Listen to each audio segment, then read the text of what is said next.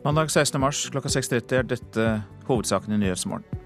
Millionlønn er det normale blant toppene i norsk fagbevegelse. LO-leder Geir Kristiansen har samlet en høyere lønn enn statsminister Erna Solberg, skriver Dagens Næringsliv. Bistandsorganisasjoner rammes av svakere krone, flere prosjekter må utsettes.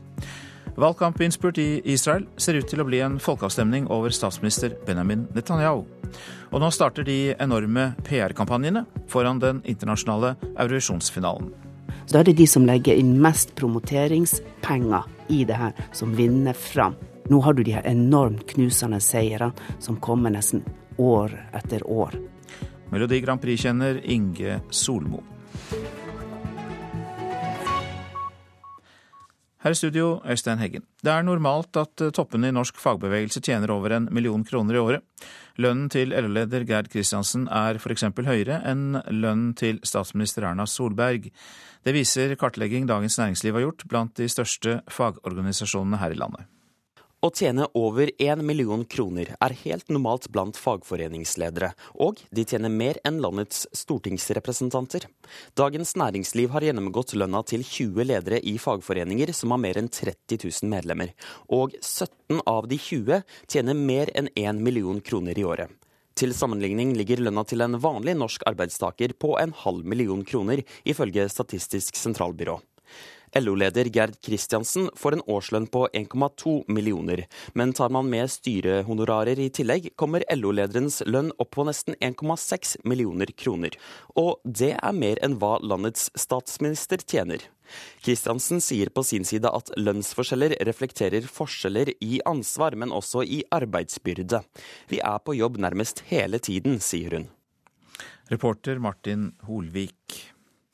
Hjelpearbeidere som er kommet til den syklonrammede øystaten Vanuatu, sier at forholdene der er noen av de vanskeligste de har opplevd. Det offisielle tallet på omkomne etter syklonen Pan er foreløpig åtte, men man regner med at langt flere døde. Peter Svaar, Asia-korrespondent, eh, si litt mer om hva hjelpearbeiderne forteller om det de har sett. Ja, De stedene hjelpearbeiderne har kommet til, er jo foreløpig i stor grad rundt hovedstaden staden eh, Port Villa. Der meldes det om skader i en eller annen grad på nesten alle hus. Store skader på om lag to tredeler av bygningsmassen. Vanuatu er en av verdens fattigste land, og mange i denne øystaten i det sørlige Stillehavet bor i ganske enkle hytter laget av bambus og bananblader, som dessverre er et lett bytte for disse naturkreftene. Men det største problemet nå er at man enda ikke har kontakt med mange av de mindre øyene som ble hardest rammet av eh, denne syklonen.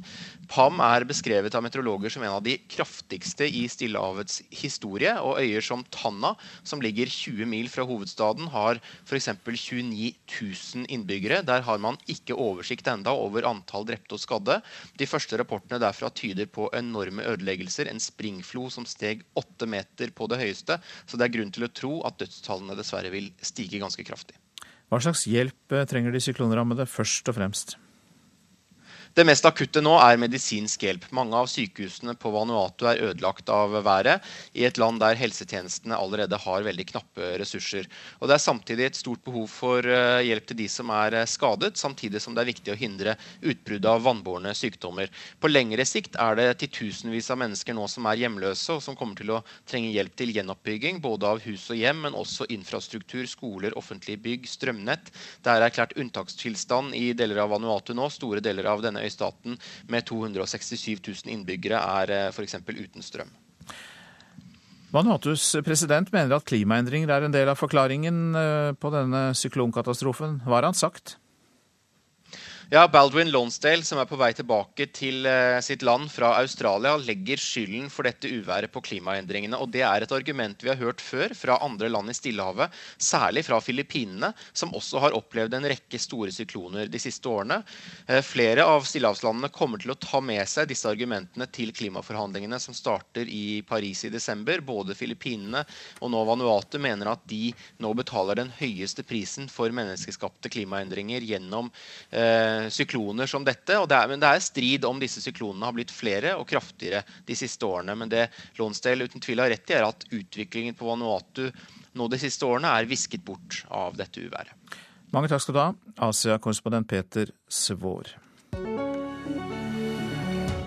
Mens norsk industri kan juble over svakere krone, er situasjonen motsatt for mange bistandsorganisasjoner. Norske kroner rekker nå langt eh, mindre i bistand enn for bare et halvt år siden. Hos Kirkens Nødhjelp er det tøffe prioriteringer som må gjøres, forteller global regnskapssjef Eivor Hausken Sande. I Sør-Malawi akkurat nå så er det flomkatastrofe, og det er ikke et arbeid vi kan utsette eller redusere på. Der er det så store behov. Eh, men vi har også andre langsiktige programmer. Eh, man driver med helseklinikker, bygging. Og der må vi absolutt vurdere om det finnes deler av arbeidet hvor man kan tilpasse seg en endra situasjon. Er det deler som kan utsettes uten at de vi skal hjelpe, eh, vil lide for mye av det at det gjøres senere? I sommer kostet en amerikansk dollar seks norske kroner. I dag koster den over åtte. Og det merkes for dem som har mesteparten av inntektene i kroner og mesteparten av utgiftene i dollar.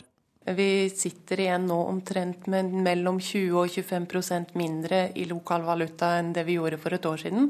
For Kirkens Nødhjelps del har kronefallet omtrent samme effekten som om årsbudsjettet på 900 millioner kroner ble kuttet med rundt 200 millioner. Noen av budsjetthullene tettes nå med oppsparte midler, men ikke alle. Det er klart De fleste av de prosjektene vi har og gjør, kan ikke egentlig utsettes, for det er behov for dem nå.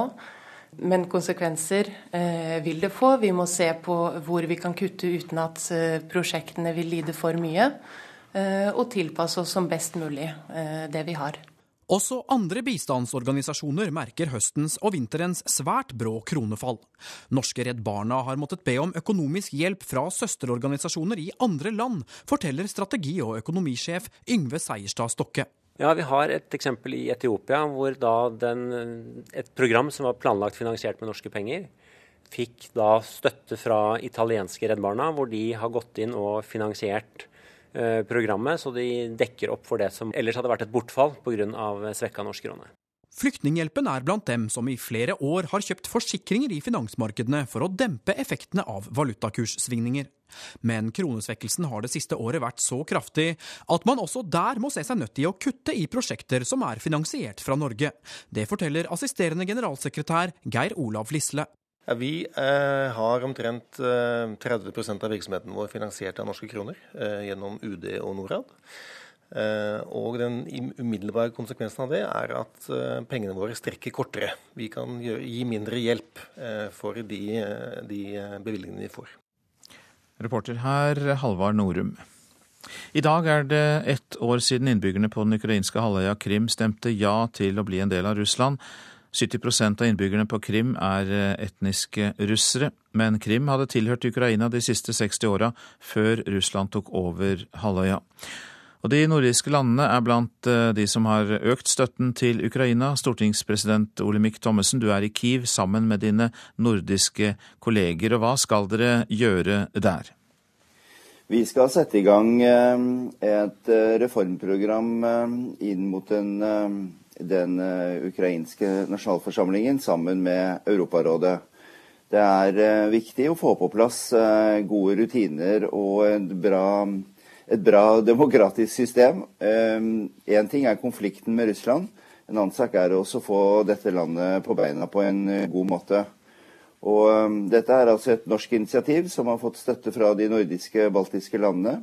Det går kort, i korthet ut på at vi skal invitere parlamentarikere til de nordiske landene i små grupper, hvor vi da skal jobbe med veldig praktisk rettete ting knyttet til hvordan opposisjonen eh, kan jobbe, hvilke kontrollfunksjoner nasjonalforsamlingen har, rutiner for lovgivning, regelverk for hvordan nasjonalforsamlingen drives og, og osv. Men du føler ikke at dere blander dere inn i folkestyret i et annet land? Nei, det føler jeg ikke. Dette er noe vi da har eh, diskutert med, med myndighetene her nede og med nasjonalforsamlingen her. Eh, vi skal møte dem i dag for å gå inn i detaljer og jobbe videre med hvordan dette kan utformes, og hvordan eh, de, de ønsker, eller hva de ønsker fra oss. Men tilbakemeldingen er veldig positiv. Her er, Etter valget i fjor så er altså 60% av representantene helt nye og har ingen parlamentarisk erfaring. Og eh, når vi møter dem, så opplever vi jo en stor entusiasme og en eh, stor eh, reformvilje og et stort vitebegjær. Hvor sterkt står demokratiet i Ukraina, da, hvis du skal sammenligne med de nordiske land? Det er klart, Her er det veldig svake demokratiske tradisjoner.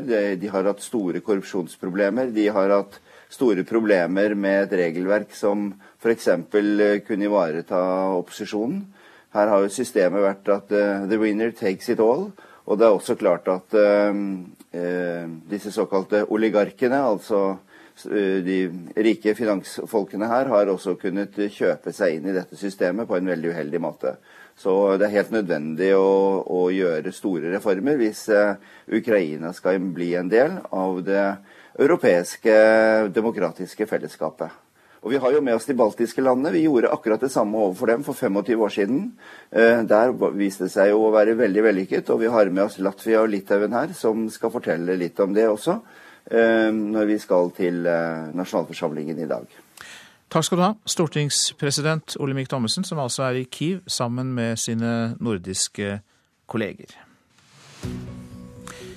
Avisene nå. Ekstremt eh, forfall. Norge er på ville veier. VG omtaler en rapport fra Rådgivende ingeniørers forening som sier at 2600 milliarder kroner må til for å få en god standard på veier, jernbane og offentlige bygninger her i landet. Forsvaret vil bryte sammen dersom det blir krig i Norge, er oppslaget i Dagsavisen. Tidligere kommandør og stabssjef i Sjøforsvaret, Jakob Børresen, sier at vi ikke lenger har noe forsvar i ordets rette betydning, og at vi ikke er i stand til å håndtere en krig eller en alvorlig sikkerhetspolitisk krise. Frykt for russisk invasjon av Finnmark, skriver Nordlys, som refererer til en artikkel i bladet Vi Menn. Der skriver journalist og forfatter Kjetil Stormark at forsvarsledelsen frykter at Russland kan komme til å invadere Øst-Finnmark for å sikre basene sine på Kolahalvøya. Sykefraværet er tema i Dagbladet. Yrkesgruppene med mest fravær er i personaltransport, barnehager, renhold og pleie. Fraværet er lavest blant offiserer, sivilingeniører, fysikere, kjemikere og i juridiske yrker. Halve Norge mener innvandring er bra, skriver Aftenposten. Bare 12% synes innvandring er negativt, viser undersøkelse. Den er gjennomført både i Sverige og Norge, og 54% syns innvandring er bra i Norge, mens 63% mener det i Sverige. Vi aksepterer at eldre tar livet sitt, sier forsker Ildrid Kjølseth til Vårt Land. Den tidligere overlegen mener eldres selvmord forbigås i stillhet, og at dette knapt nevnes i den nye handlingsplanen for å forebygge selvmord. Sogn og Fjordane blir tømt, fylket mister jobber, er oppslaget i Klassekampen. Fjordfylket tappes for statlige penger og blir tømt for offentlige arbeidsplasser, bl.a. gjennom sentralisering av lensmannskontor, flyplasser, høyskoler, skattekontor, alarmsentral og fiskeridirektorat. Frier til de rike er oppslaget i Adresseavisen. De siste dagene har 100 pengesterke trøndere fått brev om å bidra til å skaffe 50 millioner kroner til Kavleinstituttet og til å støtte forskningen til nobelprisvinnerne May-Britt og Edvard Moser. Når vi nå summerer opp, så kan vi si at ingen tok flere medaljer enn Tarjei Bø under VM i skiskyting i Kontilahti. Etter sykdommen før mesterskapet så ville det gitt høye odds på forhånd. Mesterskapet beskriver storebror Bø med ett ord. Ubeskrivelig. Og så blir det bronse igjen på Tarjei Bø fra Stryn. Bronse på mixed stafett, bronse på sprint og jaktstart, sølv på stafett og bronse under gårsdagens fellesstart. De resultatene gjør at ingen tar med seg flere medaljer hjem fra Finland enn Tarjei Bø. Stort siden sesongen før VM var tøff med mye sykdom. Det er jo det som gjør det spesielt. Jeg, jeg har forberedt meg bedre enn kanskje jeg har gjort noen gang til et mesterskap, ut ifra situasjonen. det, det er en bra erfaring, så jeg skal prøve å pugge den oppskrifta, for den funka. Ja, Det er veldig imponerende det han gjør, syns jeg også. Det sier NRKs skiskytterekspert Ola Lunde, som jeg tror vi kan få se en enda bedre Bø neste sesong. Han eh, leverer toppløp flere ganger, og med å være sjuk så mye som han har vært, så er det en kjempeprestasjon han gjør her. Så eh, ja, hvis han blir frest neste år, så blir han farlig. Tarjei Bø har hatt mange nedturer i sin karriere, men VM i Kontiolahti ble en opptur. og Det gjør at motivasjonen ikke blir et problem i sommer. Blir motivert både av suksess og fiasko, egentlig. Jeg ble veldig motivert etter OL. OL som var så dårlig. og Nå føler jeg kanskje jeg får litt betalt for den jobben jeg gjorde i sommer. da. Det var en trist start på vinteren, men men det ble en kongesesong til slutt. Broren Johannes tar med seg tre medaljer hjem fra VM. Totalt har Tarjei ti VM-medaljer mer enn den yngre broren.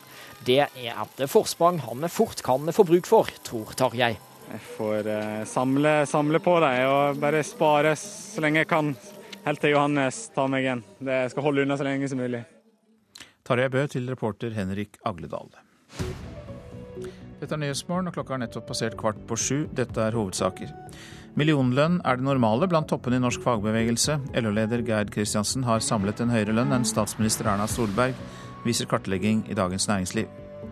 Bistandsorganisasjoner rammes av svakere krone. Flere prosjekter må utsettes. Hjelpearbeidere som er kommet til den syklonrammede øystaten Vanuatu i Stillehavet, sier at forholdene der er noen av de vanskeligste de har opplevd. I morgen er det valg i Israel, eller som eh, mange kommentatorer sier, en folkeavstemning over statsminister Benjamin Netanyahus politikk. Den nye sionistunionen ser ut til å bli valgets vinner. Det er en koalisjon ledet av Arbeiderpartiets Isak Herzog, sammen med tidligere utenriksminister Tzipi Livnis parti. Vår Midtøsten-korrespondent Sigurd Falkenberg Mikkelsen har fulgt dem på valgmøtet i Tel Aviv. Frivillig Lori Levi er spent. Hun håper på forandring etter valget. Jeg tror veldig på staten Israel, men uheldigvis ser vi at det blir verre her. Vi tjener lite, og vi må bruke mye penger. Jeg tror virkelig at det israelske folket fortjener et håp, og det er det håpet Sionistunionen tilbyr, sier hun. Levi er en sjelden fugl. Hun er fransk jøde og på venstresiden. De aller fleste fransktalende her i Israel hører til på høyresiden. Hun er opprinnelig fra Toulouse og innvandret hit til Israel for to år siden.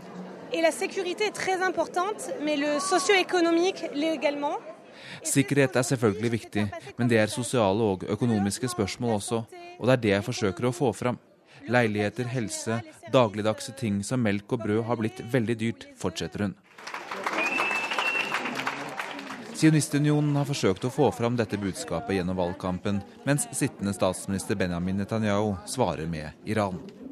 Så langt på meningsmålingene ligger sionistunionen gjennomsnittlig et par mandater foran. På talerstolen gjentar Herzog sitt budskap om sosial forandring, og får støtte av både Tzipi Livni og tidligere Arbeiderpartileder Amir Peretz. Men trass i ledelsen på meningsmålingene Herzog har ennå ikke klart å overbevise om at han er skikket til å ta over ledelsen av landet. Han har ikke så mye troverdighet utover egne rekker, og skulle de få flest mandater, får han fortsatt en vanskelig jobb med å danne en koalisjon. Men Laurie Levy, hun tror det går an. Euh, euh, det er absolutt mulig. Vi leder på meningsmålingene, og det er svært tett mellom oss og Likud. Derfor prøver vi å få fram til alle at vi har et solid program, og at vi vil ha forandring. Og hva så med Palestina-spørsmålet, som er prisme omverden gjerne ser Israel gjennom? Det har ikke vært et stort valgkamptema, men Sionistunionen har programfestet at de vil trekke opp Israels endelige grenser. Og Levi tillater seg å være optimist. Euh, Kanskje er det å tro på en utopi, men jeg tror på fred. Jeg tror på to stater. Og jeg håper inderlig at hvis vi kommer til makten, så vil det skje.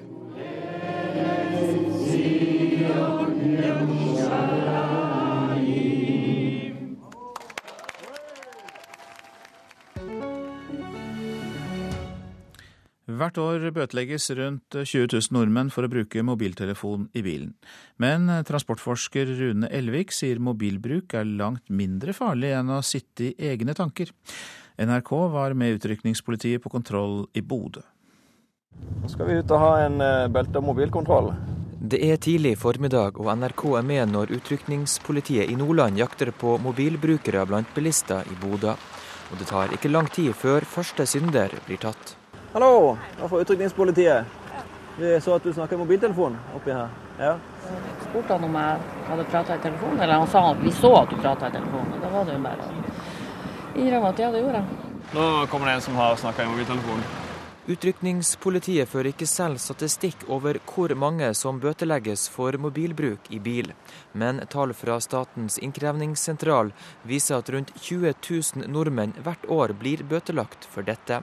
Det slår jo ut i økt risiko for ulykker. Det sier Rune Elvik, som er forskningsleder ved Transportøkonomisk institutt. Og selv om mobilbruk øker risikoen for ulykker, er det noe helt annet som er langt farligere. Vi har sammenlignet forskjellige sånne forstyrrelser og distraksjoner, og det å sitte i egne tanker er faktisk det verste. Tilbake i Bodø fortsetter utrykningspolitiet kontrollen. I dag blir et titalls bilister bøtelagt for bruk av mobil, men ingen for å sitte i egne tanker. Hva hadde du sagt hvis du hadde fått bot for å sitte i egne tanker? da? Det kunne ikke bevise, så det hadde de ikke kunnet meg bot på.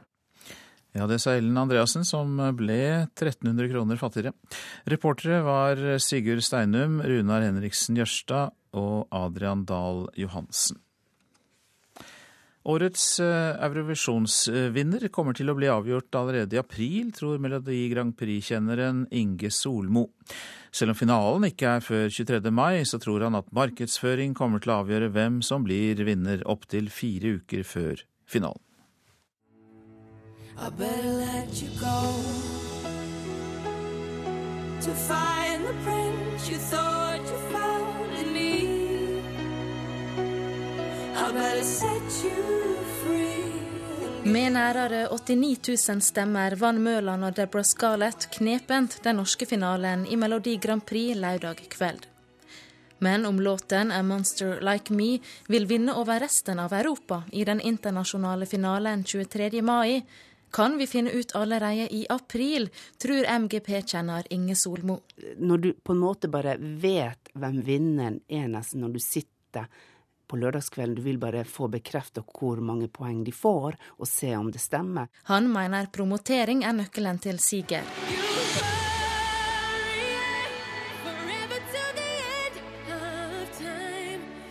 Loreen hun var jo utnevnt som den store favoritten, og vant jo. Emily de Forres fra Danmark hun ble jo en stor favoritt og vant jo. Eh, Rybak var jo en stor favoritt og vant. Det er ikke noe galt i det, men da tenker jeg da er det de som legger inn mest promoteringspenger i det her, som vinner fram. Mediemerksemda har mye å si, mener Solmo, fordi TV-seerne vil stemme på sanger de allerede har hørt. Det er ikke musikkansvarlig i Melodi Grand Prix i NRK, Vivi Stenberg, helt samd i. Hun mener konkurransen først og fremst handler om musikken.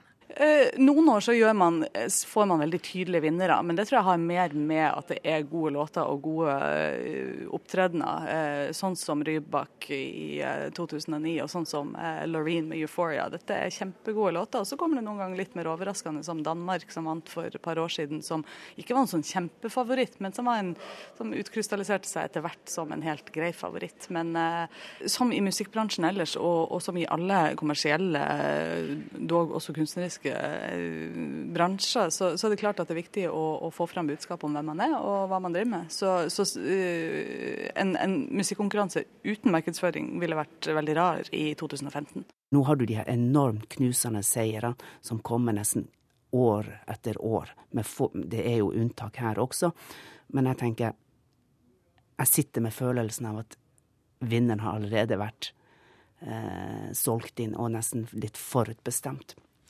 Og den følelsen hadde MGP-kjenner Inge Solmo, reporter Andrea Kvamme Hagen. De siste årene så har vi lest våre gavebøker og blitt inspirert til å hekle julekuler og strikke votter og stable ved. Nå satser norske forlag på fargeleggingsbøker for voksne. Jeg er veldig glad i regnbuefarger, så her har jeg startet, eh, brukt alle regnbuens farger og litt ekstra til på denne uglen. Kristin Storusten, blogger på bokmerke.org, sitter ved kjøkkenbordet sitt i Oslo og fargelegger. Hun fyller inn en blomme med knallgul. Jeg er veldig visuell, altså liker å tegne sånn ellers også, så da er det en måte å på en måte skru over hjernen på et annet hakk. Med fargestiften i handa er hun både trendy og kontinental på samme tid. For fargeleggingsbøker for voksne, som t.d. Secret Garden av skotske Johanna Basford, har gått sin seiersgang i Europa. Med nærmere en million solgte eksemplar på verdensbasis har Basford virkelig sett fargelegging på kartet. Nå fester òg norske forlag grepet om fargestiften. Cappelen Dam har to fargeleggingsbøker i stallen, deriblant 100 inspirerende mønstre til å fargelegge selv, med et samla opplag på 12 000 eksemplar. Gyldendal har på si side sikra seg rettighetene til den norske omsetninga av Basford sin suksess. Et symptom på tida vi lever i, mener sosialantropolog og trendspotter Gunn Helen Oie. Og dette er en deltrend av en større trend, at vi søker til stillhet og til noe som kan ta oss ned og inn i en annen verden. Inn i denne andre verden går du via, via blyanter og noen vakre bøker du, du kan tegne i. Bilder, blomsterbilder, det er ranker, lianer, vannliljer. Hjå Gyldendal sitt redaktør Ingrid Ryvarden og blar seg fra den ene frodige tegninga til den andre. Hun mener bøkene representerer en reaksjon mot det digitale. Det blir jo på en måte ikke mer analogt enn dette. Vi snakker om en hobby som rett og slett ikke lar seg utføre på, på skjerm. Du må sette deg ned ved et bord med papir og fargeblyanter.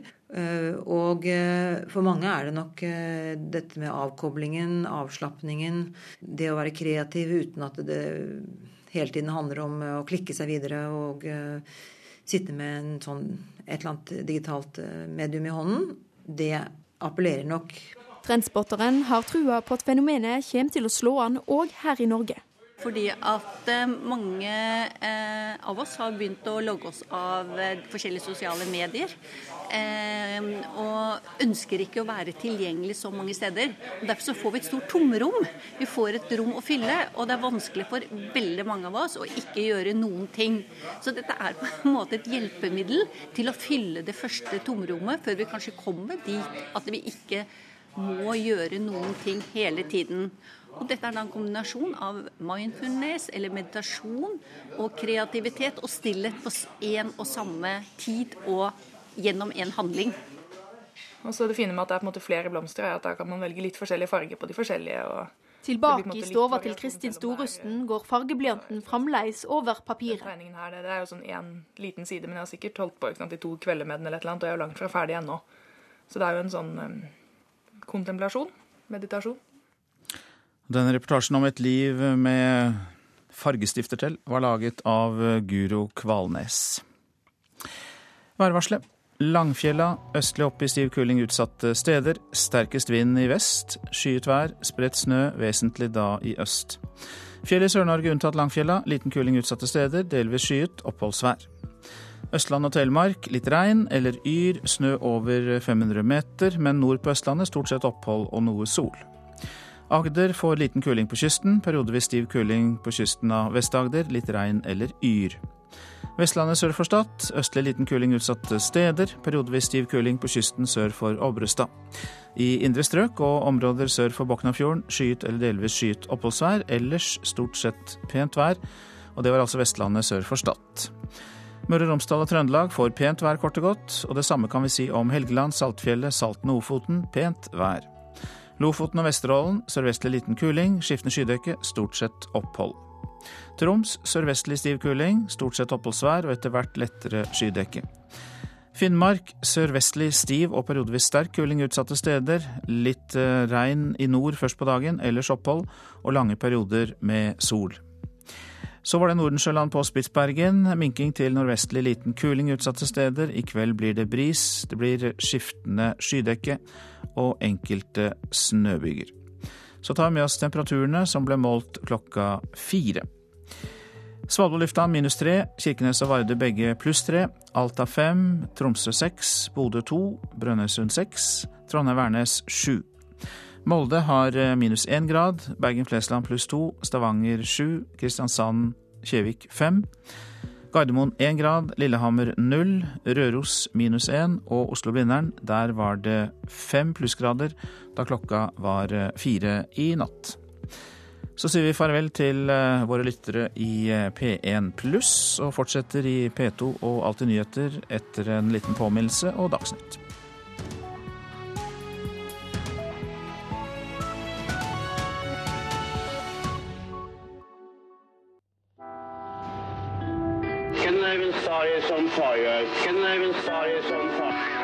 Dødsbrannen på Scandinavian Star tok 159 liv. De uløste gåtene er mange. Se her, her har vi det vi trenger. Hva er det? Seascape kjøper Scandinavian Star for 6 millioner dollar. og forsikrer det i Fjerde Sø for 24 millioner dollar. Radioteatret presenterer Scandinavian Star. Siste del søndag klokka 15 i NRK P2.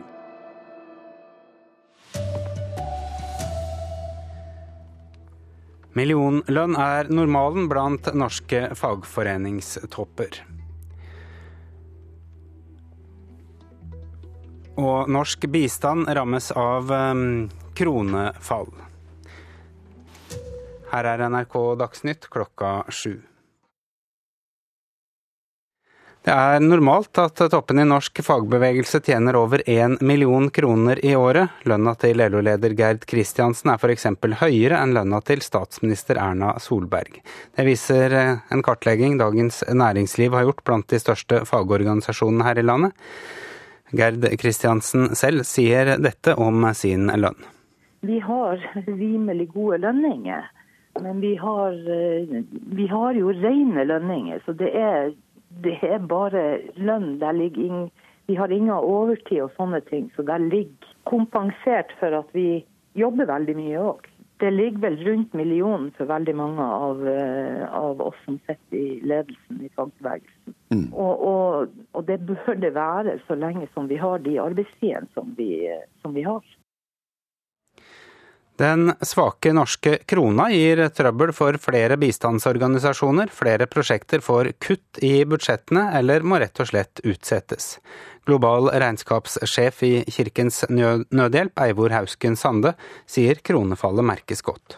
Vi må se på hvor vi kan kutte uten at eh, prosjektene vil lide for mye, eh, og tilpasse oss som best mulig eh, det vi har. I fjor sommer kostet en amerikansk dollar seks norske kroner. I dag koster den over åtte. Og det svir. For Kirkens Nødhjelp har nemlig mesteparten av inntektene i kroner og mesteparten av utgiftene i dollar. Også andre bistandsorganisasjoner har merket kronesmellen. En av dem er Flyktninghjelpen, forteller assisterende generalsekretær Geir Olav Lisle. Og den umiddelbare konsekvensen av det er at eh, pengene våre strekker kortere. Vi kan gi mindre hjelp eh, for de, eh, de bevilgningene vi får. Reporter Halvard Norum. Det er langt farligere å sitte i egne tanker enn å snakke i mobiltelefonen når du kjører bil, enn det mener transportforsker Rune Elvik. Hvert år bøtelegges rundt 20 000 nordmenn for å bruke mobiltelefon i bilen. Vi har sammenlignet forskjellige eh, sånne forstyrrelser og distraksjoner, og det å sitte i egne tanker er faktisk det verste. Hvorfor det? Ja, eh, da er man vel kanskje ganske uforberedt hvis det skjer noe uventet. da. Hvis du sitter der og dagdrømmer eller ser på naturen eller noe sånt, og så det plutselig skjer noe, så kommer vel det som en stor overraskelse. Sa transportforsker Rune Elvik. NRK Dagsnytt var ved Arild Svalbjørg. Og Nyhetsmorgen fortsetter med disse sakene. Rekordmange lærere søker videreutdanning. De fleste vil bli bedre i matematikk. Mange kommuner mangler tilbud om samtalegrupper for barn som har opplevd samlivsbrudd. Høy prisstigning og varemangel. Slik er hverdagen på Krim ett år etter at Russland okkuperte den ukrainske halvøya. Og her får du også høre mer om e-sigaretter med nikotin. De kan selges i Norge, men de kan ikke selges i Norge, men er tillatt å bruke. Rekordmange lærere søker altså om eh, videreutdanning i år. Hittil eh, har eh, over 6400 søkt om ekstra utdanning, viser tall fra Kunnskapsdepartementet. Og de aller fleste vil bli bedre i matematikk. Vi tar, det, vi tar liksom, i hvert fall del én, kan vi ikke gjøre det kjapt? Bare sånn, Det er måling, det er regnemetode, det er potens, det er brøk. Det er etter skoletid, og studiegruppa møtes på Sagene skole i Oslo. Om to måneder har de muntlig eksamen i matematikk, og nå går de gjennom en gammel matteeksamen for tiende trinn. Oppgave to det er måling. Oppgave tre det er potens. Det går raskt, for Tsega Gisle og Cordula var ferdig på ungdomsskolen for mange år siden. Eh, jeg underviser i matte og i tysk og i kristendom. Sier Cordula Norheim. Siden i høst har hun tatt videreutdanning i matematikk. For det får hun to studiedager i uka og 30 studiepoeng. Kommunen får penger fra staten for å dekke utgifter knytta til at hun er borte. Hvis du allerede er mattelærer, hvorfor trenger du ekstra, ekstra matte? Det, ja, det, er jo litt forskjellig. For noen er jo den matteutdanningen langt tilbake. Eh, og så har det forandret seg en del i læreplanene. Og så kreves det jo faktisk ikke så Det kreves bare 30 studiepoeng for å undervise i matematikk, men vi ser jo at det er veldig godt å ha mer. I fjor på denne tida hadde over 4400 lærere søkt om videreutdanning i fag som matematikk, naturfag, språk og samfunnsfag. Hittil i år har 2000 flere lærere søkt på ordninga. Det er rekordmange, viser tall fra Kunnskapsdepartementet. Dette her er flotte tall. Sier leder i Utdanningsforbundet, Ragnhild Lid. Dette her vil styrke eh, opplæringa for elevene. Eh, og jeg, eh, jeg tror også det virker som elevene vil møte enda mer motiverte lærere. Opp og ni, tenker du? Ja. Det er ligninger har stanga hodet litt i veggen underveis, men uh, samtidig, idet man får det til, så, så, er det jo en veldig god følelse. Gisle Kjellevold er egentlig samfunnsfaglærer, men nå vil han også undervise i matematikk. Mens Tsega og Cordula er under en vikarordning og får to studiedager i uka, får han 100 000 kroner og ingen faste studiedager. En av tre lærere hadde den samme ordninga som Gisle i fjor. Så jeg har veldig få dager egentlig til rådighet, men det er veldig mye mer som man må få jobbet på i helger og ettertid etter, etter arbeid som kontaktlærer. Så hva er din oppfordring da til kunnskapsministeren? Rett og slett at alle lærere som skal ta videreutdanning, de bør ha vikarordning. Da får du, den, da får du det du egentlig trenger av tid til å få en god eh, Altså komme gjennom studiet på en god måte. Greit. Og så er det algebra. Ja. Mm. Da er det Sannsyn, Sannsynlighet. Ja. Ja, og eh, denne Fristen den eh, går ut eh, ved midnatt. Reporter her var Marit Gjelland. Men vi har kunnskapsministeren i studio. Torbjørn Røe Isaksen, god morgen til deg. Morgen, morgen. Det går åpenbart unna her, for det er ikke bare drøyt 6000 søknader, nå er det enda flere? Ja, nå er det over 8000 søknader, da det stengte i midnatt i natt. Og det er jo fordi at dette, dette har vært en av de store satsingene til regjeringa. Vi gjør det fordi vi mener at det at lærere får faglig påfyll, og at vi også nå kommer til å stille strengere krav om fordypning i fagene du skal undervise i, det vil gjøre at elevene lærer mer. Det er det viktigste. Men det var ønske om enda, enda bedre vilkår for de som går inn i denne utdanningen, hørte vi innslaget her. Ja, det er, to, det er, to, ordninger i dag. Den ene gjør at kommunen får litt støtte til vikarer. Den andre gjør at læreren får et stipend på 100 000 kroner for å ta studiepoeng. Og da er jo Håpet er jo at eh, lærerne da skal kunne gjøre det noe i helger, noe i ferier, kanskje bruke noe avspasering, kanskje avtale litt nedsatt tid Eh, sammen med arbeidsgiveren sin.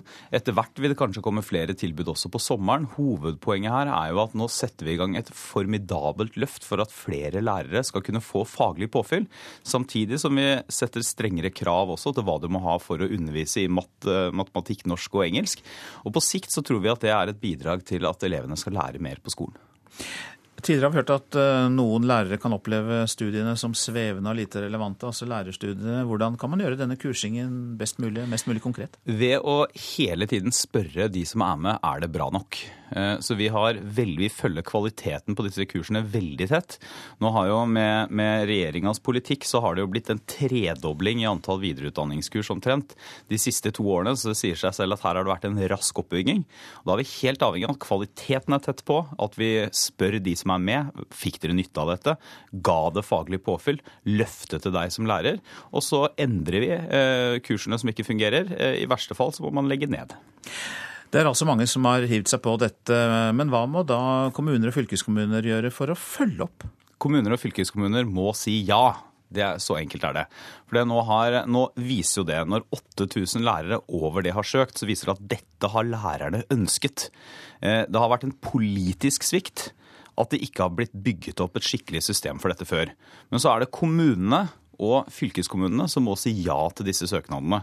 Så Det er jo min oppfordring da nå, det er at man tenker systematisk og grundig gjennom lokalt. Hvordan skal vi bruke videreutdanningen til å styrke vår skole, sånn at alle barn får en enda bedre skole enn i dag. Takk skal du ha for at du kom til Nyhetsmorgen, kunnskapsminister Torbjørn Røe Isaksen.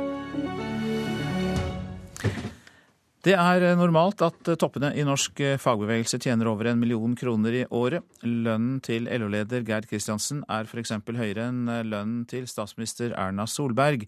Det viser kartlegging som Dagens Næringsliv har gjort blant de største fagorganisasjonene her i landet. Å tjene over én million kroner er helt normalt blant fagforeningsledere. Dagens Næringsliv har gjennomgått lønna til 20 ledere i fagforeninger som har mer enn 30 000 medlemmer. Og 17 av de 20 tjener mer enn 1 million kroner i året. LO-leder Gerd Kristiansen får en årslønn på 1,2 millioner, men tar man med styrehonorarer i tillegg, kommer LO-lederens lønn opp på nesten 1,6 millioner kroner. Og det er mer enn hva landets statsminister tjener.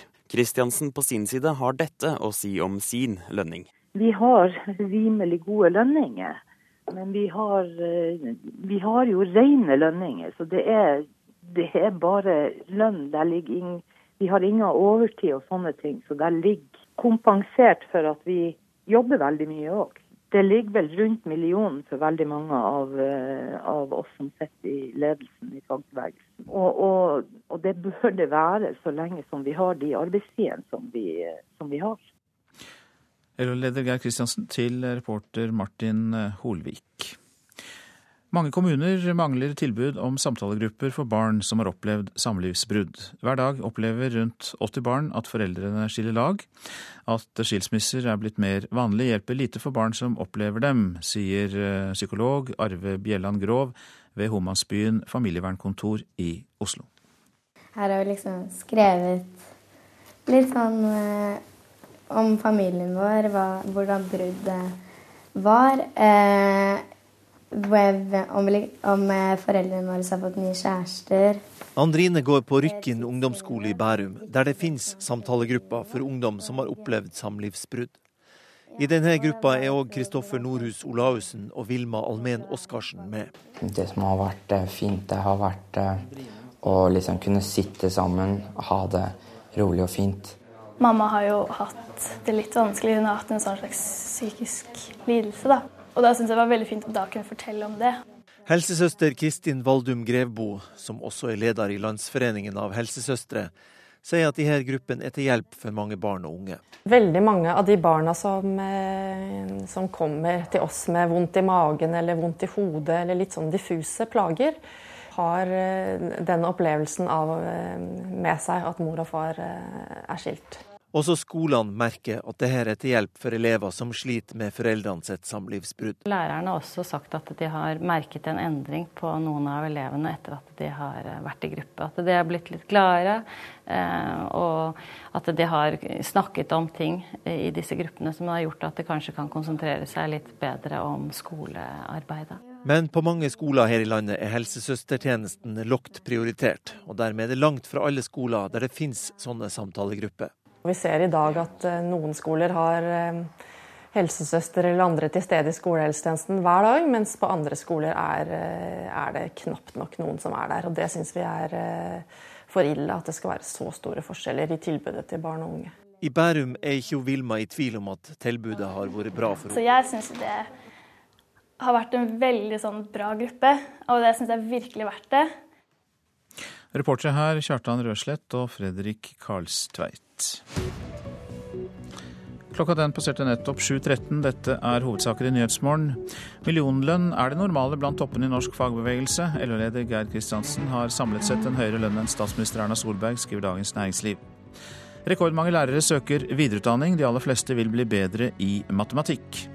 Og bistandsorganisasjoner rammes av svakere krone. Flere prosjekter må utsettes. For ett år siden stemte befolkningen på Krim ja til å bli en del av Russland i en omstridt folkeavstemning. Siden den gang har vestlige selskaper forlatt halvøya, som sliter med høy inflasjon og konstant varemangel.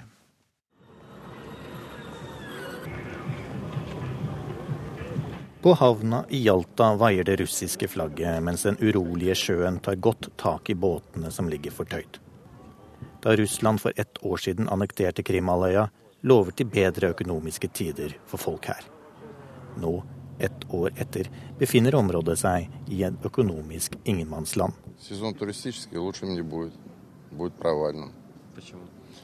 Situasjonen har ikke blitt bedre, og det vil bli forverret nå som turistene har sluttet å komme, sier Ilja Kislov på gata i Alta. Og han er ikke alene om å være bekymret for den økonomiske situasjonen. Etter anneksjonen forsvant internasjonale banker og kredittselskaper som Visa og Mastercard. De er erstattet av et rent kontantsamfunn der inflasjon og varemangel preger hverdagen. Og før jul utvidet EU sitt investeringsforbud på Krimhalvøya. Like utenfor Hjalta ligger den lille og historiske vinprodusenten Mazandra, grunnlagt av tsar Nikolas 2. i 1894, og nå overtatt av de lokale myndighetene. Noe av nasjonaliseringen var helt nødvendig for å garantere videre drift. Men noe av konfiskeringen av eiendom var rent økonomisk motivert. Business og politikk er blitt flettet sammen, sier Juri Kasmanetsjkij, en av de tidligere sjefene ved vinprodusenten, som ble avsatt av de nye eierne som var lojale til de nye styresmaktene. Totalt er 250 selskaper overtatt av de russiske myndighetene det siste året, og vanlige folk merker overgangen.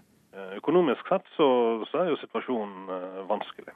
Det sier førsteamanuensis Terje Knutsen ved Universitetet i Bergen, som påpeker at halvøyas geografi gir noen ekstra utfordringer. Siden Krim nå ble annektert av Russland, så betyr det også at alle forsyninger må jo da fraktes inn eh, sjøveien eh, og ikke over land.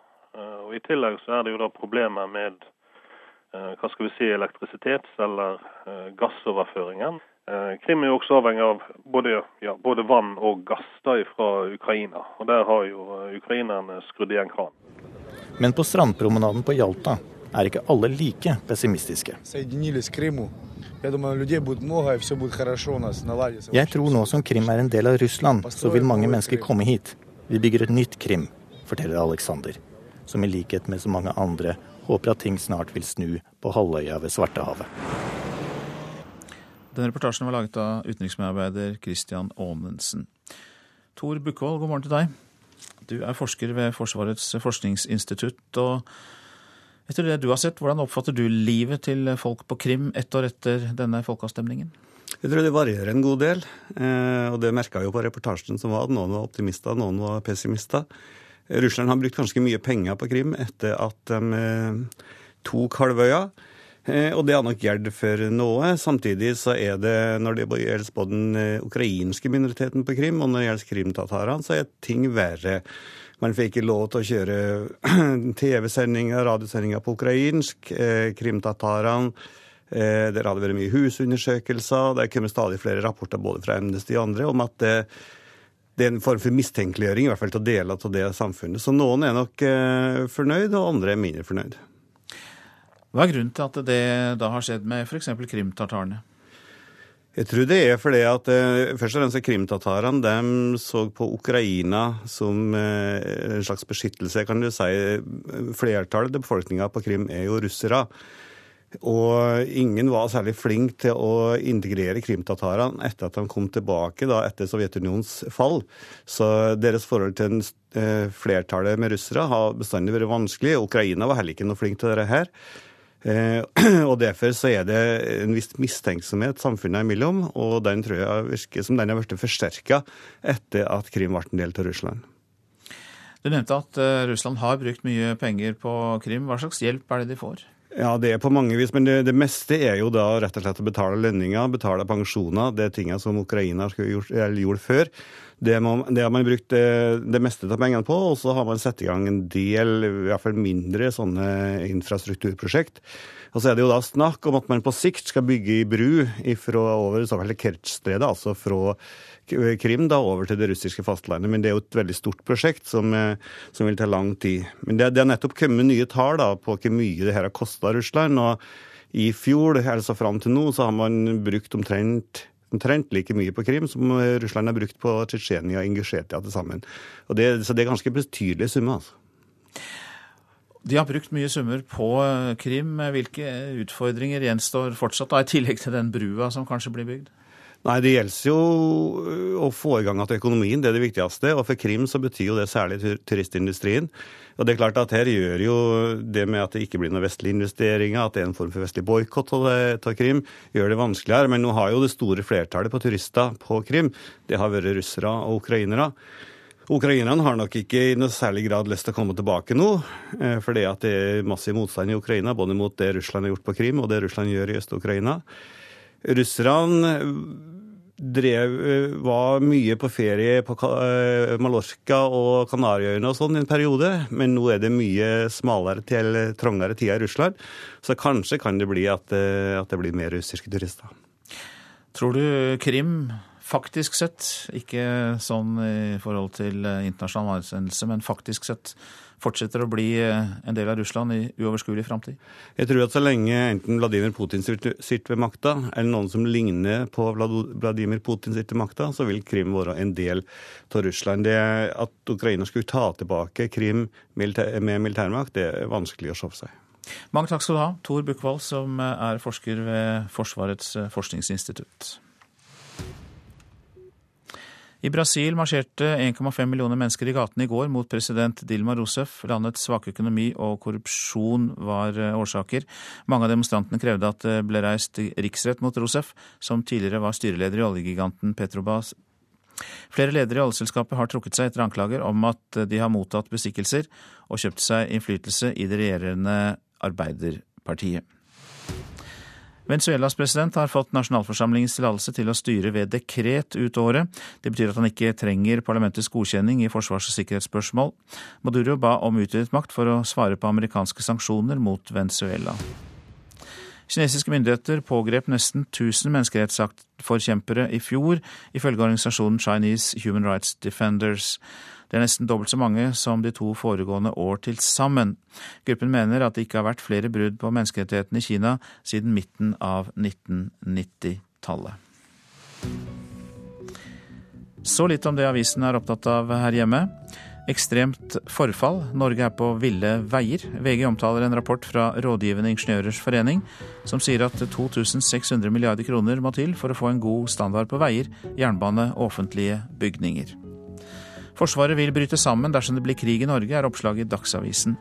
Tidligere kommandør og stabssjef i Sjøforsvaret Jakob Børresen sier at vi ikke lenger har noe forsvar i ordets rette betydning, og at vi ikke er i stand til å håndtere en krig eller en alvorlig sikkerhetspolitisk krise.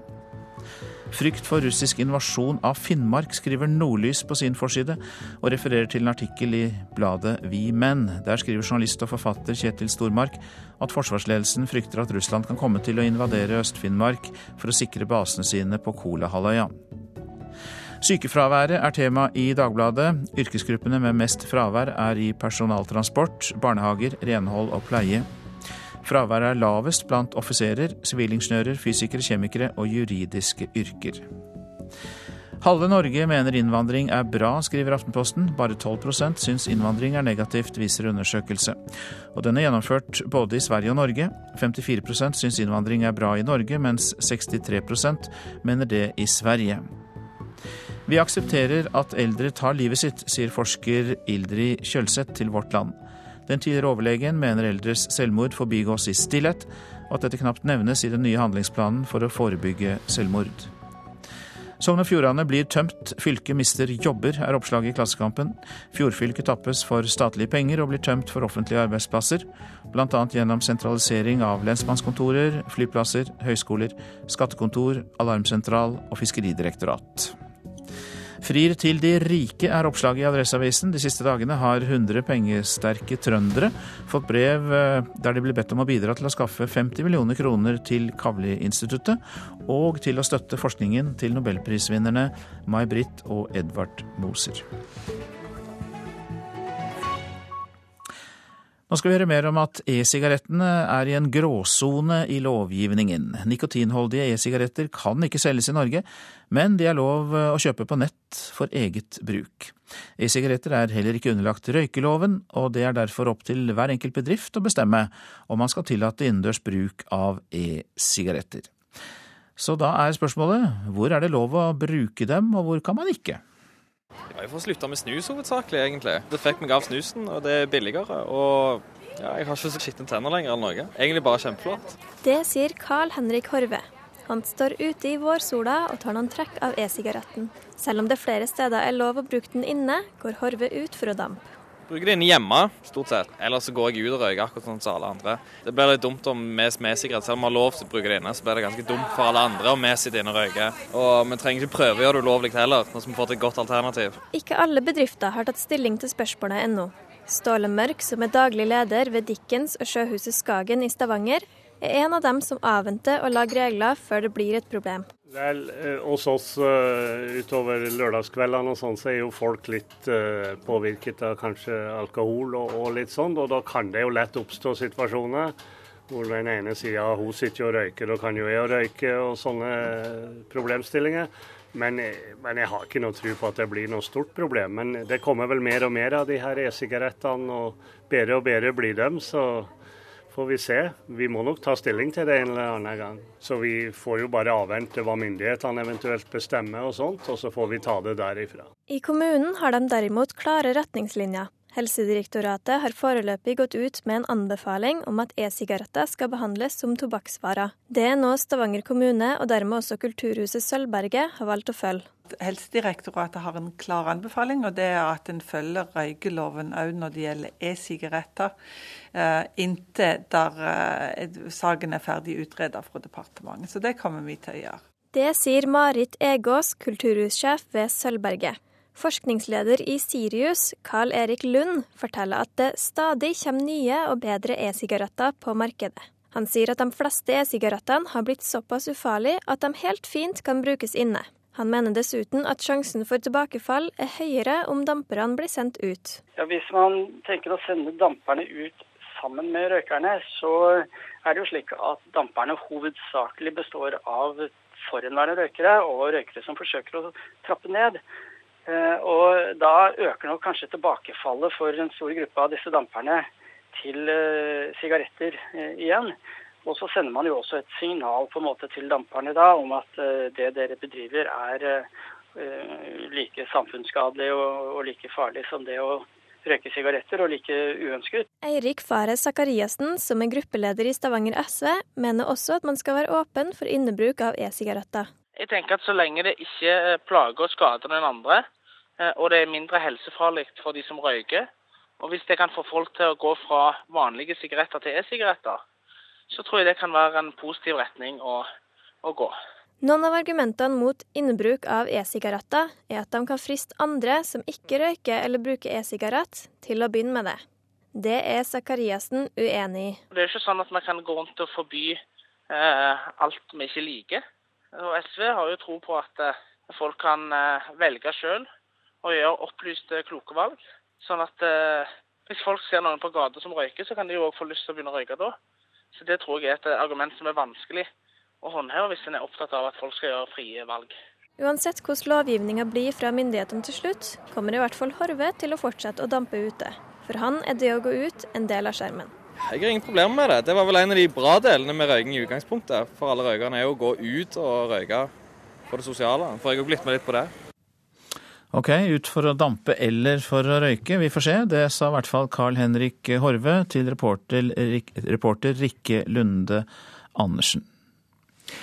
Nå om strømbruddet som rammet Svalbard. Det kan fortsatt ta noen timer før strømmen er stabilt tilbake på Svalbard. Sentrum av Longyearbyen har nå strøm, men det mangler strøm ut mot flyplassen og Adventsdalen, forteller energisjef Kim Rune Røkenes i Longyearbyen.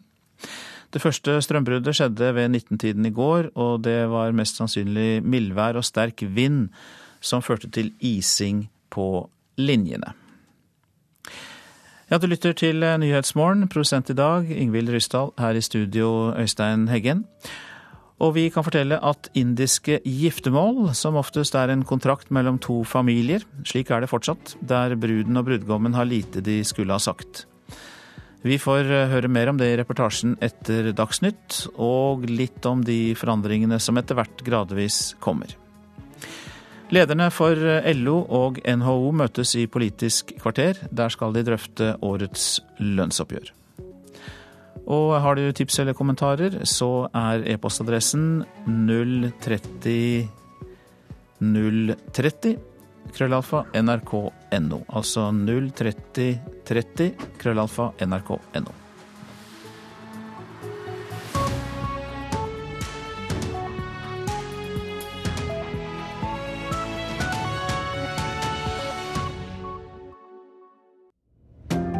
Ekko helg. Nytt lørdagstilbud på NRK P2. Heidi elsker sine fire katter. Å, så fin du er, Thomas. Nå har samboeren blitt allergisk. Det blir så fælt å ikke bo med dine. Ekko helg. Lørdag klokken 9 til 11 på NRK P2.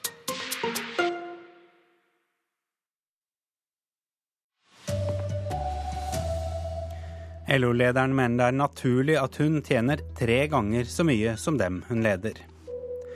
Barn har stor nytte av samtalegrupper når foreldrene skiller seg, men bare noen kommuner har tilbudet.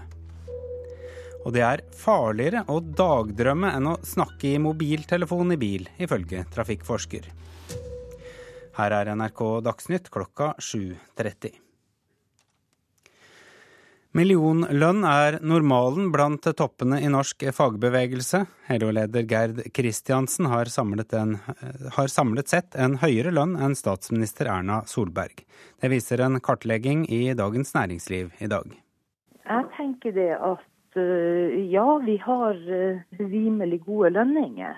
Vi har, uh, vi har jo rene lønninger, så det er Vi har ingen overtid og sånne ting, så der ligger kompensert for at vi jobber veldig mye òg. Sier LO-leder Gerd Kristiansen. DNs oversikt viser at av de 20 organisasjonene med mer enn 30 000 medlemmer, er det 17 hvor den valgte lederen får mer enn 1 million kroner for vervet. Norske arbeidstagere tjener i snitt rundt 500 000 kroner i året. Hvor mye mer enn medlemmene bør en fagforeningsleder tjene? Det, altså, lønnsnivået bør jo generelt ikke være for høyt, og det bør ikke være for store forskjeller mellom de som tjener minst og de som tjener mest. Og Der tror jeg jo at vi har gjort en god jobb i Norge med å klare å tette dette gapet. Øverst på lønnstoppen troner Legeforeningens president Hege Gjessing. Men ifølge DN er LO-lederen en god nummer to. Dersom en også inkluderer styreverv, kommer Kristiansen så vidt over statsministeren, som har en lønn på 1,52 millioner kroner. Jeg tror jo ikke vi er lønnsledende når du begynner å se på, på ledersjiktet i, i, landet vårt. Det har vi i hvert fall prøvd å passe oss for å være. Det ligger vel rundt millionen for veldig mange av, av oss som sitter i ledelsen i fagbevegelsen. Og det bør det være så lenge som vi har de arbeidstidene som, som vi har. Reporter her Sindre Heierdal. Barn og unge synes som regel det er bra å få snakke med andre om det hvis foreldrene har skilt lag. Hver dag opplever rundt 80 barn her i landet at foreldrene går fra hverandre, men mange kommuner mangler tilbud om samtalegrupper for barn som har opplevd samlivsbrudd. Andrine Nilsen Skollerud er glad for at tilbudet finnes på hennes skole. Her har vi liksom skrevet litt sånn eh, om familien vår, hva, hvordan bruddet var. Andrine går på Rykken ungdomsskole i Bærum, der det finnes samtalegrupper for ungdom som har opplevd samlivsbrudd. I denne gruppa er òg Kristoffer Nordhus Olaussen og Vilma Almen Oskarsen med. Det som har vært eh, fint, det har vært eh, å liksom kunne sitte sammen, ha det rolig og fint. Mamma har jo hatt det litt vanskelig. Hun har hatt en sånn slags psykisk lidelse. da. Og da syns jeg det var veldig fint å da kunne fortelle om det. Helsesøster Kristin Valdum Grevbo, som også er leder i Landsforeningen av helsesøstre, sier at disse gruppene er til hjelp for mange barn og unge. Veldig mange av de barna som, eh, som kommer til oss med vondt i magen eller vondt i hodet eller litt sånn diffuse plager, har eh, den opplevelsen av eh, med seg at mor og far er skilt. Men på mange skoler her i landet er helsesøstertjenesten lågt prioritert. Og dermed er det langt fra alle skoler der det finnes sånne samtalegrupper. Noen skoler har helsesøster eller andre til stede i skolehelsetjenesten hver dag, mens på andre skoler er, er det knapt nok noen som er der. Og det syns vi er for ille, at det skal være så store forskjeller i tilbudet til barn og unge. I Bærum er ikke Vilma i tvil om at tilbudet har vært bra for henne. Så jeg synes det har vært en veldig sånn bra gruppe, og det syns jeg virkelig er verdt det. Reporter Kjartan Røslett. Rekordmange lærere søker om ekstra utdanning i år, og det blir det bedre skole av, mener Utdanningsforbundet.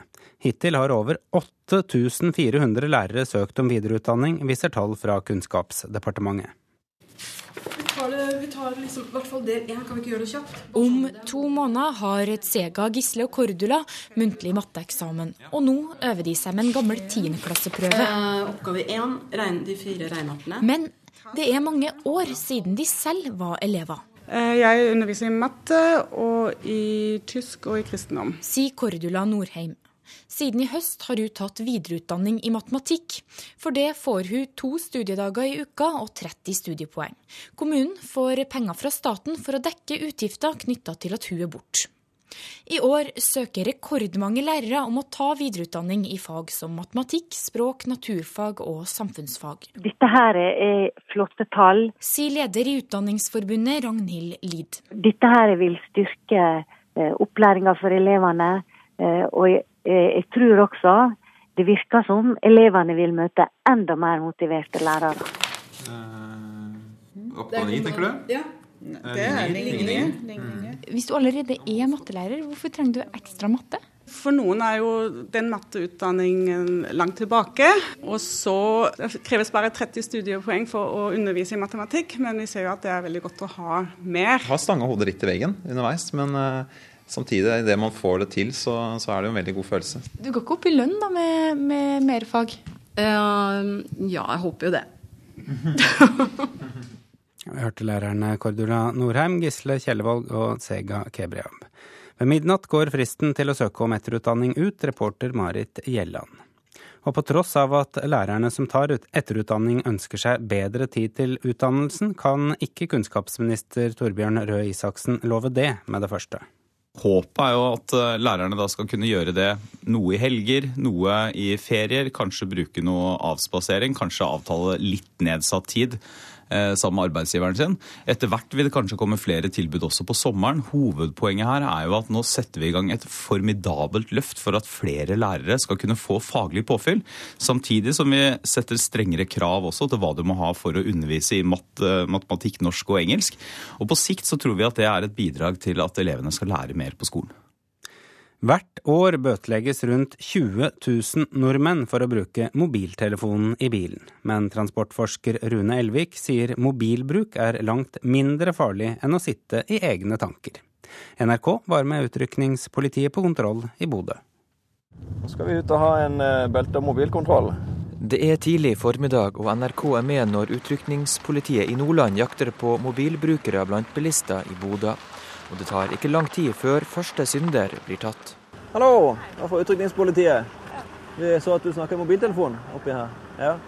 spurte han om jeg hadde prata i telefonen, eller han sa at vi så at du prata i telefonen. Da var det jo bare å innrømme at ja, det gjorde jeg. Nå kommer det en som har snakka i mobiltelefon.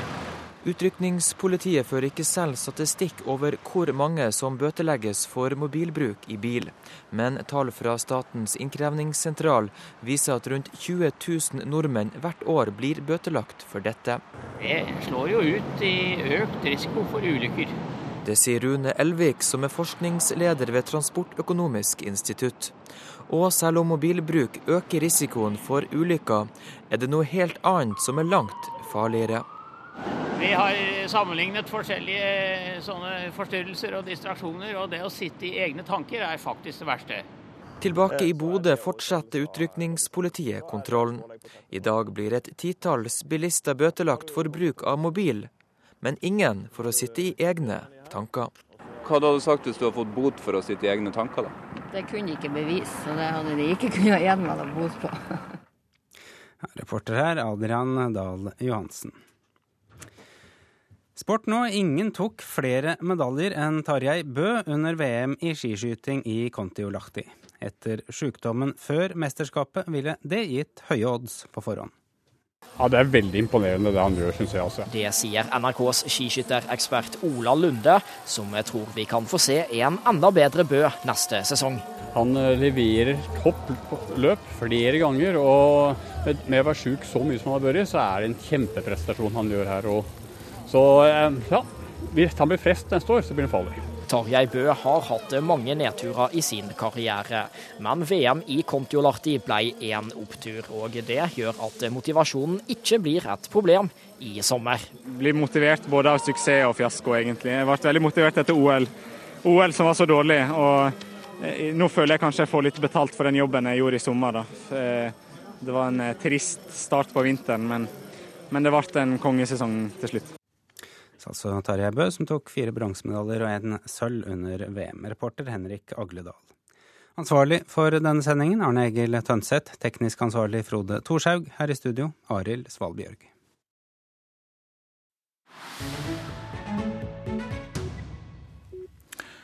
Dette er eh, Nyhetsmorgen.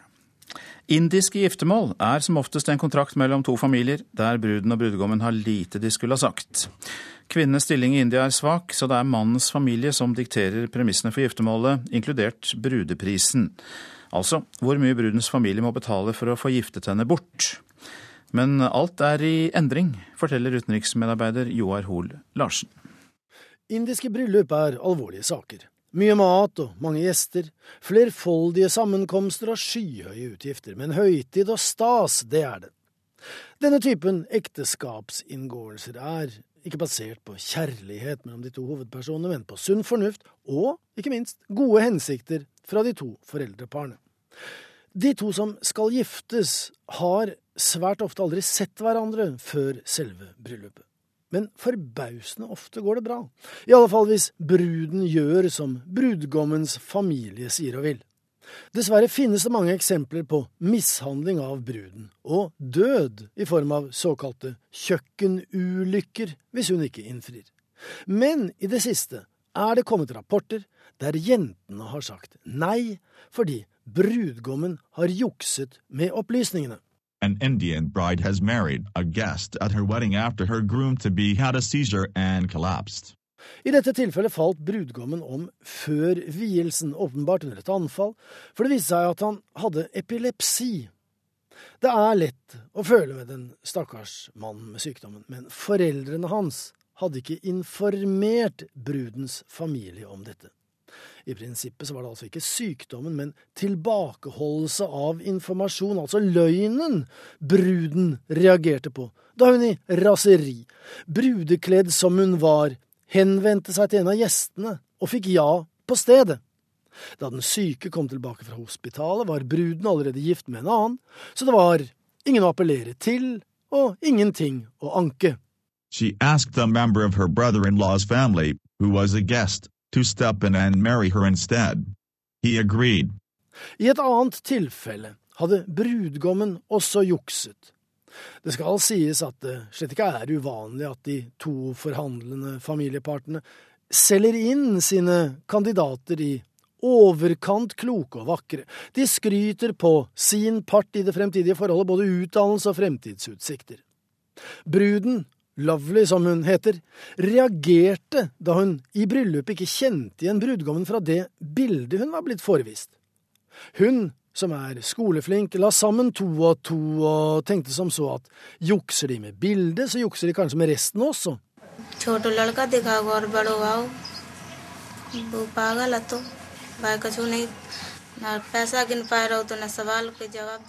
Hun stilte derfor det relativt overkommelige kontrollspørsmålet hvor mye er 15 pluss 6?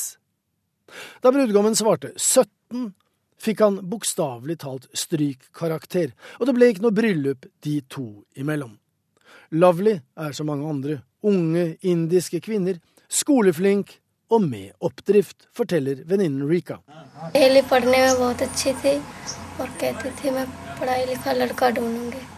Lovely er flink på skolen, sier venninnen. Hun ønsker å gifte seg med en gutt med utdannelse. Så det ble ikke noe bryllup i Uttar Pradesh før helgen. Hundrevis av gjester ble mildt sagt skuffet, det oppsto håndgemming, så politiet ble tilkalt, men bruden og ikke minst hennes familie sto på sitt. Ekteskapet ble avlyst, gaver ble tilbakelevert og avtalen nullet, så den gifteklare Lovely, skoleflink og med ben i nesen, skal fremdeles være ledig på markedet. Dette er Nyhetsmorgen, og dette er eh, hovedsaker. Millionlønn er det normale blant toppene i norsk fagbevegelse. LO-leder Geir Kristiansen har samlet en høyere lønn enn statsminister Erna Solberg, viser kartlegging gjort av Dagens Næringsliv. Rekordmange lærere søker om ekstra utdanning i år. 8400 lærere har søkt om videreutdanning, viser tall fra Kunnskapsdepartementet. Bistandsorganisasjoner rammes av svakere krone. Flere prosjekter må utsettes. Barn har stor nytte av samtalegrupper når foreldrene stiller lag, men mange kommuner mangler dette tilbudet. Og I nyhetene i dag har vi også hørt at det er farligere å dagdrømme enn å snakke i mobiltelefon når du kjører bil, ifølge trafikkforsker. Nå til Politisk kvarter. Der er Astrid Randen programleder.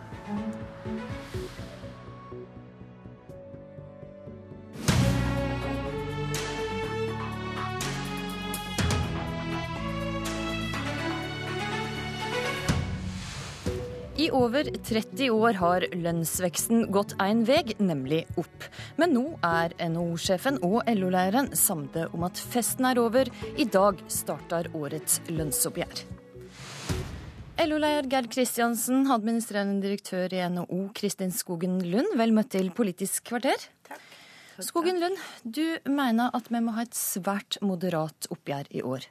Hva betyr det i praksis? Eh, I praksis betyr det at vi nå, etter en lang tid med høyere lønnsvekst enn de vi konkurrerer med, altså andre land rundt oss, så er vi nødt til å få den norske lønnsveksten i det minste ned på det samme nivået.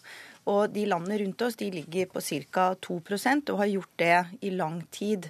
Så det er et stykke eh, å ta igjen, rett og slett, for å dekke for å tette dette gapet som vi har opparbeidet oss, hvor vi har veldig mye høyere lønninger. Vi har f.eks. 30 høyere lønn enn en svenskene. LO-leder Geir Kristiansen, du har eh, sagt at lønnsfesten er slutt. Hva betyr et moderat oppgjør for LO? Jeg har nå ikke sagt at den er slutt, men jeg har sagt at det blir ingen lønnsfest i år. Og det handler jo om at uh, når vi setter oss til forhandlingsbordet, så skal vi forhandle i urolige tider. Uh, det, vi ser at arbeidsledigheten øker. Vi ser at det er bransjer som sliter, uh, og at det er en del oppsigelser på gang. og det er en av de tingene som er viktig når vi går inn i lønnsoppgjørene, at vi klarer å ha et helhetlig bilde på hvordan ståa er for eksportretta industri, og i dag er den ikke veldig god. Så når Skogen Lund sier at vi må på et nivå med landene rundt oss, er du sammen Når vi, når vi skal inn og forhandle, så skal vi ikke gjøre det gjennom radioen, tenker jeg. Må, det skal vi gjøre med forhandlingsbordet. Men, men at vi er nødt å ha et moderat oppgjør i år, det er vi enig i ut ifra nettopp de elementene som jeg trekker opp med konkurranseutsatt industri. I fjor ble lønnsoppgjøret det lågeste på 20 år, med 3,1% lønnsvekt. Landa årets oppgjør over eller under 3% i år, Skogen Lund? Ja, jeg er veldig enig med, med, med, Gerd her at vi skal være veldig forsiktige med å snakke om tall før vi har begynt å, å forhandle. Men det er riktig at de to-tre siste årene så har vi gradvis fått oppgjørene nedover. Men vi kom fra et veldig høyt nivå. Så altså, selv om vi ø, opplever at vi har klart å moderere dette de senere årene, så ligger vi fortsatt godt over ø, de vi konkurrerer med, slik at gapet fortsetter å øke. Så jeg tror jeg skal nøye meg med å si at vi må enda lenger ned. Og så tror jeg det blir veldig dumt å prøve å tallfeste det her og nå. Du vil ikke konkretisere noe mer enn det. Men uh, Arve Bakke, lederen i Industri og Energi, har signalisert at vi kan få null i generelt uh, tillegg. Mener LO-lederen det samme? Det kan jo bli et resultat. Det vet vi ikke før vi har forhandla. Men det som er viktig, det som jeg tror Arve Bakke signaliserer, det er at, eh, at eh, når vi sitter og skal forhandle om lite, eh, så må vi få ei rimelig og rettferdig fordeling av dette oppgjøret. Ok, Hva betyr det i praksis? Hva vil være rettferdig fordeling? Ja, Vi er jo veldig opptatt ut av at alle skal nyte godt ut av et eh, lønnsoppgjør. Eh, også de som er lavest på stigen. Og de sentrale oppgjørene som vi har, de er med på å også sikre at de som ligger lavest på lønnsstigen, får. Det er ikke de som nødvendigvis tar ut i, i lokale oppgjør. Ja, For de får mindre i lokale forhandlinger. Og eh, det betyr at de ikke i år ønsker å prioritere de lågtlønna. Vi får nå se når vi kommer til forhandlingsbordet, men, men, det vi har liggende som hovedmålsettinger, det er jo å sikre kjøpekrafta for de brede medlemsgruppene våre. Og, og også det at arbeidstakerne skal ha sin rettmessige del av den verdiskapinga vi har, den bruker man jo i veldig stor grad å justere på lokalnivået. For det er veldig avhengig av den enkelte bedrift eh, sin lønnsomhet foregående år. Så, så ja, vi har mange elementer vi skal oppfylle. Auka min, men auka minstelønn eh, til, til lågtlønna, det vil være et av de viktigste en, kravene? Det vil være en av diskusjonene våre, ja. Har vi råd til dette, Skogen Lund?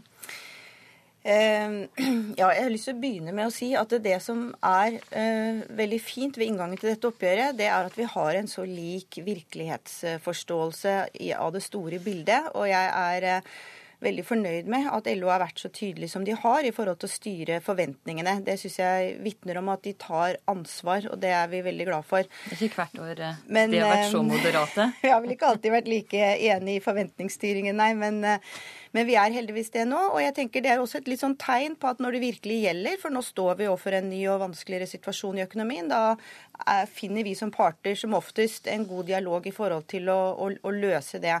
For å kommentere på det med de lavtlønte, så høres jo det veldig tilforlatelig ut. Eh, men det er noen problemer med det. Det ene er at det er de med lavest kompetanse som sliter mest med å få jobb. For det er jo de som er relativt sett dyrest i forhold til eh, bl.a. arbeidsinnvandring. Nettopp fordi vi har en så, såpass sammenpresset lønnsskala, så tjener de med lav kompetanse i Norge relativt sett mye mer enn de med lav kompetanse i andre land. Så de trenger ikke så mye lønnsøkning? Jeg bare sier at de, har, de er enda mer konkurranseutsatt enn andre andre deler av arbeidsstokken. Og det er heller ingen hemmelighet at det eh, gir jo også grobunn til en del av det svarte arbeidsmarkedet som vi ser, eh, dessverre. Eh, og så er det det andre, for å se det fra andre siden òg, de bedriftene som har mange lavtlønte ansatt, det er typisk bedrifter innen servicenæringer og reiseliv. Og de har lønnskostnader som en stor del av sin totale kostnadsmasse. Og det vil si at det er faktisk de bedriftene som i aller minst grad nå klarer å ta et, eh, kostnad, en kostnadsøkning. Så dette temaet er ikke helt eh, enkelt. Jeg har forståelse for at LO mm, ønsker å ivareta de lavtlønte, men det er ikke sikkert at det til slutt er det som vil gagne dem mest. Vi må også tenke på arbeidsplassene. Frykter du at det kan forhandle bort eh, arbeidsplasser? Det er jo det som er utgangspunktet for at vi har vært ute og sagt at det, kom, det kommer til å bli et moderat eh, oppgjør. Vi skal ikke forhandle bort eh, arbeidsplasser. Og det er jo der vi blir sittende og diskutere når vi kommer til forhandlingsbordet. Eh, hva er det som gagner norsk arbeidsliv best, og hvordan kan man få ei rimeligst eh, og ei mest rettferdig opplevd fordeling. Mm. Du sier altså at det vil prioritere lågtlønna, men sjøl faller du ikke helt inn i denne kategorien. I Dagens Næringsliv i dag så kan vi lese at du tjener mer enn statsministeren, over 1,5 millioner i året. Hvorfor er det riktig at du som LO-leder har ei så god lønn? Vi tjener godt i LO, det, det gjør vi. Eh, de senere årene så har ikke vi tatt ut annen lønnsvekst og det har vi gjort i ettertid, når vi, når vi kjenner tallene, enn det andre arbeidstakere har. Men det er jo rimelig altså det, det blir urimelig å sammenligne med medlemsmassen. Men er det vanskelig for det å snakke om at arbeidstakere flest må eh, godta et moderat oppgjør, når du sjøl har så god lønn? Nei det, nei, det, er ikke vanskelig. Jeg skal, jeg skal, vise akkurat den samme moderasjonen. Eh, men, men det, å, det, å, sammenligne lederlønninger med ansattelønninger. Altså, vi har ikke, selv om vi er veldig glad for at vi har en sammenpressa lønnsstruktur i landet vårt, så er den ikke så sammenpressa at vi har flat lønn, og jeg håper heller ikke at vi kommer dit. Jeg sitter med ansvaret for en organisasjon med bl.a. over 200 ansatte. Jeg er unntatt arbeidsmiljøloven, har ingen form for overtidsgodtgjøring eller sånne ting, så hvis du regner timelønn, så tror jeg du kommer ganske langt ned. Forstår. Forhandlingsdelegasjonene overleverer sine krav til lønnsoppgjøret klokka 13 i dag. Fristen for å bli ferdig er 1. april. Nå bytter vi tema, men ikke deltakere her i Politisk kvarter. For forrige uke så presenterte regjeringa og de to støttepartiene resultatet etter lange forhandlinger om ny arbeidsmiljø. Der blei de bl.a. samde om at alle kan få jobbe til de er 72 år gamle. Og Kristin Skogen Lund, dette kaller du for symbolpolitikk symbolpolitikk. Hvorfor det? Ja, nei, Vi har vært eh, kritiske til den økningen. og Før jeg går inn på det, så har jeg bare lyst til å si at det er også mange positive elementer i de endringene. Ikke minst dette at man nå får et litt større rom å beregne gjennomsnittstid. altså Man får en litt fleks større fleksibilitet rundt arbeidstiden. Det tror jeg vil være veldig bra for dette omstillingsbehovet som vi har vært innom. Men når det gjelder aldersgrenser, så tror jeg nok at det dessverre vil virke i motsatt retning. Fordi eh, det, Vi ønsker også at folk skal stå eh, lengst mulig jobb, men da er det sånn at det er bare 10% som jobber frem til de er 70 år i dag. Så 90% av den jobben handler jo om å få de som går av før de er 70, til å stå lenger i arbeidslivet. Og en ensidig rett til å stå i stillingen utover 70 år som vi får nå, til 72, det eh, tror jeg vi må være ærlige nok til å erkjenne at vil nok gjøre at en del bedrifter vil vegre seg for å ansette eldre, fordi det er en kjensgjerning at eldre blir i, i sum noe mindre produktive, med mange hederlige unntak selvfølgelig. Men det er også sånn at vi har en sånn lineær opptjeningskurve. Du tjener jo mer hele tiden, og du får stadig større rettigheter i form av ansiennitet, som gjør at eldre ofte er dyre arbeidstakere, og de er heller ikke like lette å omstille, fordi de har større rettigheter enn de som er yngre. Så, men, så det er kanskje ikke liksom 70-åringene som skal stå for den store omstillinga vi nå skal gjennom i Nei, men mange bedrifter er avhengig av å, vil bli enda mer avhengig av å kjøre omstillinger enn det de har vært til nå. Og da er du faktisk avhengig av å ha en viss mulighet for å rotere i arbeidsstokken din. Og hvis du da får flere eldre som skal stå lenger, så vil det hindre den eh, omstillingen. Det er det ingen tvil om. Og det er jeg redd igjen kan gå utover eh, bedriftenes vilje til å ansette eldre arbeidstakere. Og jeg tror også en del eldre vil oppleve at de vil nok møte en tøffere hverdag eh, med at kanskje de, at de, at de, Mens man tidligere kanskje har latt en del eldre stå fordi man visste det bare var et par år igjen, hvis det plutselig er eh, seks, syv, åtte år igjen, så, så kan man ikke eh, være like raus med det. Kristiansen, frykter du også at dette kan få uheldige konsekvenser for ja, eldre ja, arbeidstakere? Ja, det gjør jeg. Og, og, for meg så er det et paradoks at man nå går inn og styrker stillingsvernet til eldre arbeidstakere, mens at man eh, for de som skal inn i arbeidslivet, kanskje svekker det med midlertidighet. Jeg tror at eh, vi kommer til å få se en del uverdige oppsigelser. Så er det jo ikke sånn. Uverdige oppsigelser? Hvorfor ja, kommer til å få det? Fordi at eh, du styrker stillingsvernet til arbeidstakerne når du sier at de skal ha en rett til å stå lenger enn det, fram til, til 72. Uh, så da kan den enkelte arbeidstaker kreve det, istedenfor sånn som vi har det nå, at eh, det er ingenting i veien for at en arbeidsgiver og arbeidstakeren kan bli enige om å stå lenger. Altså, litt av det at vi har de aldersgrensene vi har, det handler jo om det produktive arbeidslivet som vi har. Nå kan vi risikere at vi, eh, at vi svekker det. Ja, og det er vel slik at en får mindre kapasitet til eldre en blir? Ja, jeg passerer jo snart 60 sjøl, så, så, så, jeg kan jo bruke meg sjøl som eksempel. Og det er klart at, at, det svinger ikke like fort rundt i dag som det gjorde for 20 år siden. Sånn at, sånn at her ja, jeg syns dette er problematisk, og jeg tror ikke det kommer til å bli veldig greit uh, framover når arbeidstakere med loven i hånd kan stå, uansett hva slags tilstand man er i, kan stå og kreve å stå til man er 72, og kanskje også til 75 etter hvert. Nei, Her er vi veldig enige, og man begynner i feil ende. Det hadde vært mye bedre å se hva skal til for å få de som i dag går av, kanskje allerede fra slutten av 50-årene og veldig mange i begynnelsen av 60-årene, hva skal til for å stimulere dem til å stå lenger i jobb. Og Vi får jo også et paradoks her, at når du er 70, så hvis du har hatt en, en, en ytelsespensjonsordning som de fleste i den alderen har, så har du altså rett til full pensjon, og så skal du heve full lønn i tillegg. Og det er klart, Da er det også økonomisk attraktivt å bli stående og det vil nok også få mange som kanskje egentlig burde gått av, til å eh, klore seg fast eh, etter at de nok burde ha takket for seg. NHO-sjef Kristin Skogen Lund, LO-lærer Geir Kristiansen, takk for at det kom til Politisk kvarter. Denne sendinga er nå slutt. I studio i dag var Astrid Randen.